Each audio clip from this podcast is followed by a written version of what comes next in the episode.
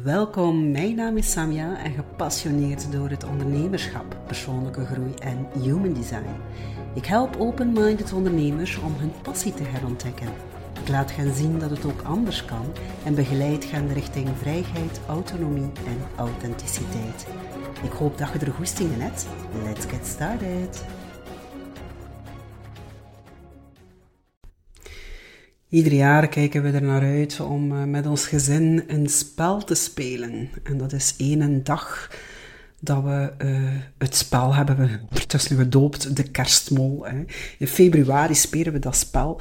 En dat is eigenlijk een, uh, met ons bende van tien personen ondertussen. En dat varieert tussen de 14 en de 27 jaar ja, tien personen, dat is al inderdaad een hele bende. Hè, maar we hebben vijf kinderen en uh, drie ervan hebben ook een liefke. Dus samen zijn we met tien.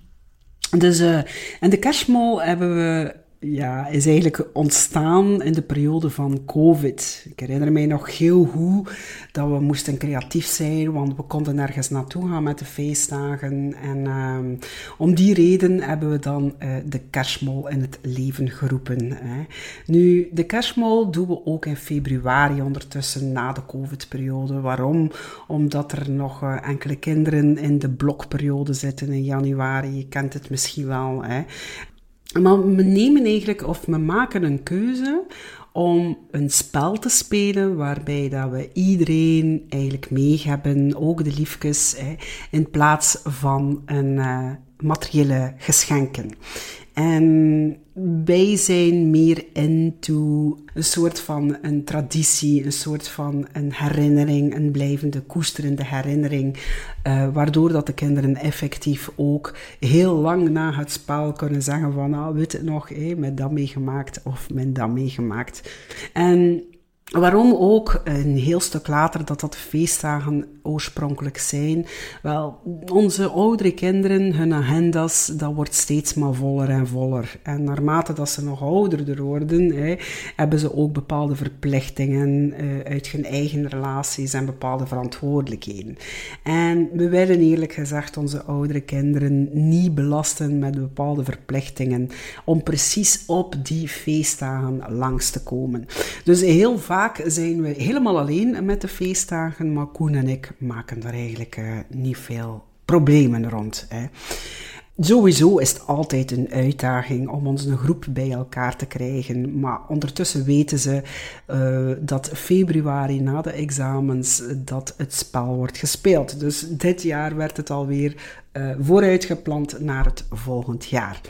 En het draait hem eigenlijk om het creëren van die kostbare herinneringen, die ons effectief ook dichter brengen, naar elkaar toe brengen en ons echt wel sterk gaan verrijken.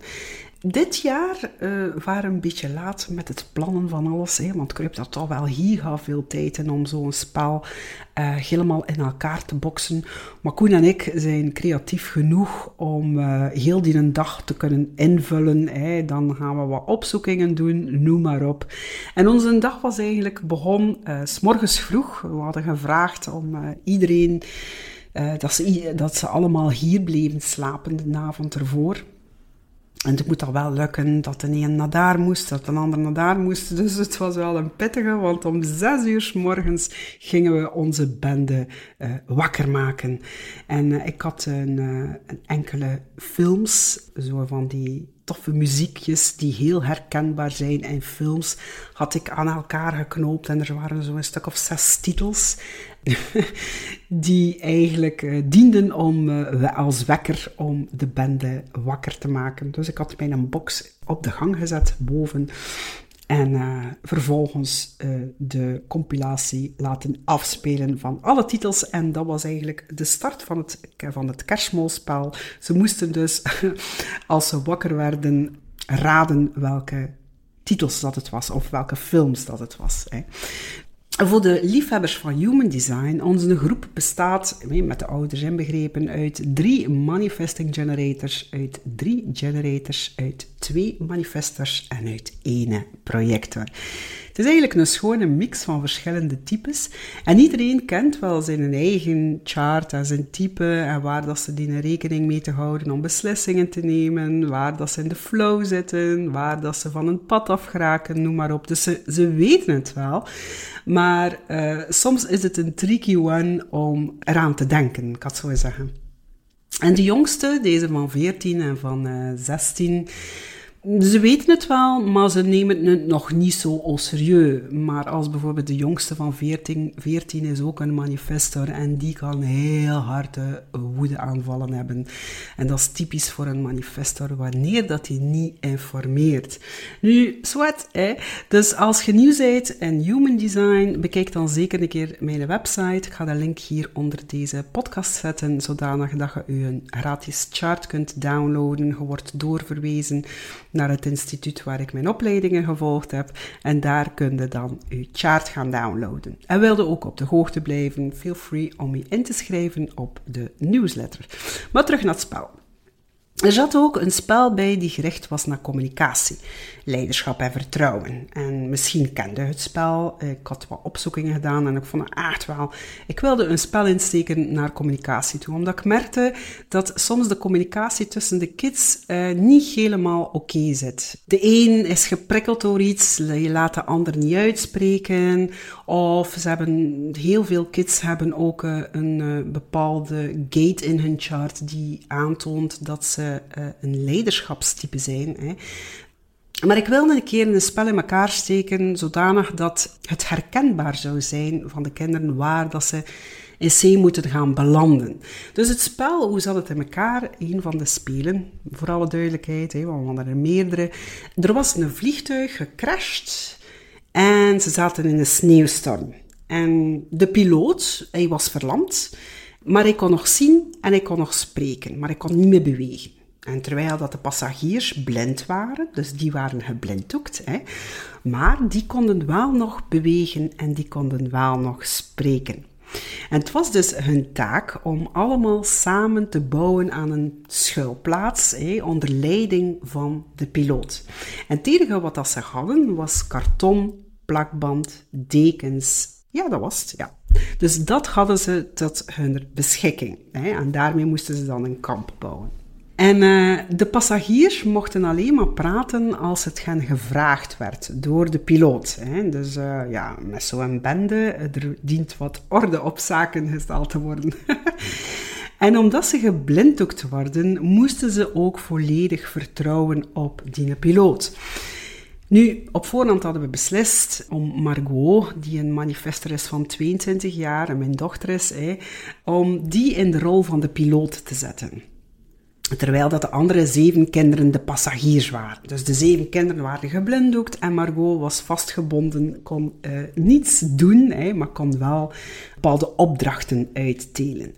En wanneer je kijkt naar Margot, haar karakter is, uh, het is iemand met een heel uitgesproken mening, maar tegelijk is ze ook heel zachtaardig.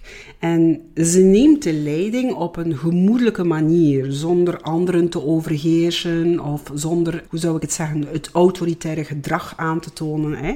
Ze is daar heel, heel zachtaardig in. Hè. En ze houdt rekening met iedereen zijn input, wat dat ook niet onbelangrijk is. Maar het is op een hele andere manier dat ze de leiding gaan, gaan nemen dan dat de anderen dat zouden doen. Hè. De anderen zijn eerder de persoon die de leiding nemen, ongevraagd. En Margot is eerder de persoon die de leiding zal nemen als het haar gevraagd wordt. En als, anders zet ze een stapje achteruit. En onder de passagiers waren er enkele, zoals ik eerder zei, leidinggevende types die graag hun eigen gang gaan zonder rekening te houden met anderen. Ik had het eigenlijk echt wel opzettelijk gedaan, omdat ik hen bepaalde inzichten wilde laten geven. Ik wilde laten inzien dat ook Margot de leiding kan nemen, maar op een hele, hele andere manier. Niet de autoritaire manier dat ze allemaal kennen. Denk maar aan school, denk maar aan de overheid, noem maar op. Hè. Dus uh, inderdaad op die zachtaardige manier het, het, uh, het leiderschap nemen. En nu ja, we hadden de rollen verdeeld. Wij als ouders uh, zeiden niets. We moesten echt op ons tanden bijten soms om niets te zeggen. Hè. Maar we keken gewoon toe en af en toe maakten we een, een video of een foto. Nu, het spel zelf duurde maar liefst 45 minuten. Ik had er eigenlijk echt wel van geschrokken. En in het begin, dat verliep heel stroef. Uh, de passagiers hadden moeite om te zwijgen, totdat het gaan gevraagd werd. En de piloot wist eigenlijk niet hoe, hoe dat ze moest beginnen. En wat anders redelijk chaotisch zou zijn verlopen, verliep nu eigenlijk heel rustig. Uh, want telkens als de passagiers, dus de andere kinderen, hun mening wilden geven, zei ik van nee, je gaat zwijgen totdat het u gevraagd wordt. Hè. Nu, het spel eindigde bijna. Iedereen begon zich echt in te leven in hun bepaalde rol. En naarmate dat dat spel vorderde en iedereen zich in die schuilplaats bevond, uh, volledig afgesloten van de buitenwereld, voor alle duidelijkheid, hè, want ze hadden nog altijd geen blinddoek op, werd die een blinddoek uiteindelijk verwijderd. En de reacties waren fantastisch. Ze waren heel verrassend, want het resultaat van een gezamenlijke inspanning was echt wel heel verbluffend. En niemand had er dat ook verwacht. Ik zag de reacties op eh, de gezichten van de kinderen, van de, van de passagiers. Hè, van, oh my god, hebben wij dat gemaakt? Hè? Want ze zeiden het toen ook, van, eh, wij hadden echt niet uh, verwacht dat het een, dergelijk, een dergelijke constructie ging zijn. Hè? Dus ze zaten allemaal in die schuilplaats. Het, het was echt wel fenomenaal om te zien wat dat ze neergezet hadden. En de essentie van het spel was eerder van leer een keer luisteren naar elkaar, want iedereen heeft bepaalde inzichten. En ieder inzicht kan een stukje toevoegen aan het grotere geheel. En alhoewel dat Margot, ze vroeg inderdaad, dus de piloot vroeg aan iedereen zijn mening van hoe zou jij het aanpakken, hoe zou jij het aanpakken. En van, dat, van al die stukjes heeft ze eigenlijk een geheel gemaakt. En ik moet eerlijk zeggen dat ik dat zo schoon vond, wat dat ze gedaan had. En dat ze eigenlijk ook bewezen heeft van haarzelf dat het niet een typische leiderschapsfiguur is die anderen uh, verwachten te zijn, maar eerder een leiderschapsfiguur waarbij dat ze alle neuzen in dezelfde richting kan krijgen. En dat vond ik zo fantastisch. En wanneer dat we dat dan doortrekken in het ondernemerschap, wanneer dat we gaan gaan kijken naar het leiderschap in een onderneming, dan merk ik dat er daar eigenlijk heel veel ondernemers kunnen van leren. Kijk, ik zeg heel vaak in mijn uh, podcasts of in mijn uh, video's of in mijn teksten, noem maar op, hè, dat we overschakelen van het oude ondernemerschap naar het nieuwe ondernemerschap. En het grote verschil is, wanneer we kijken naar het oude ondernemerschap, dat het altijd maar gaat over macht. Kijk maar naar heel veel bedrijven die eh, inderdaad een bepaalde hiërarchie gaan aanhouden. Hè. Dat is een chef en boven die chef staat er nog een chef, noem maar op. En het nieuwe leiderschap waar dat we naartoe gaan, het nieuwe ondernemerschap waar dat we naartoe gaan, is eerder een vorm dat iedereen zijn input kan brengen. En gelijk wie, of dat dan nu een arbeider is, of een bediende, of een kaderlid, of noem maar op, hè, Bepaalde mensen hebben een eindverantwoordelijkheid, maar uiteindelijk kun je van al die kleine stukjes een heel schoon geheel maken.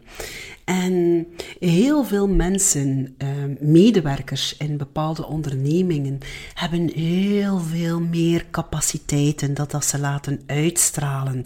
En misschien net als Margot bezitten ze inderdaad een bepaalde capaciteit, een bepaald talent om mensen samen te brengen, om iets schoonders ervan te maken of een schooner geheel van te maken. En dat is de essentie van heel dat spel. Van heel dat spel gaat het niet alleen over communicatie, wat dat ook een hele sterke oefening was, maar gaat het ook over de verborgen parel die soms in bepaalde mensen kan zitten. Voilà, ik hoop dat je er iets aan gehad hebt. Ik hoop dat ik je heb kunnen inspireren op vlak van communicatie en leiderschap. En hopelijk tot binnenkort. Ciao.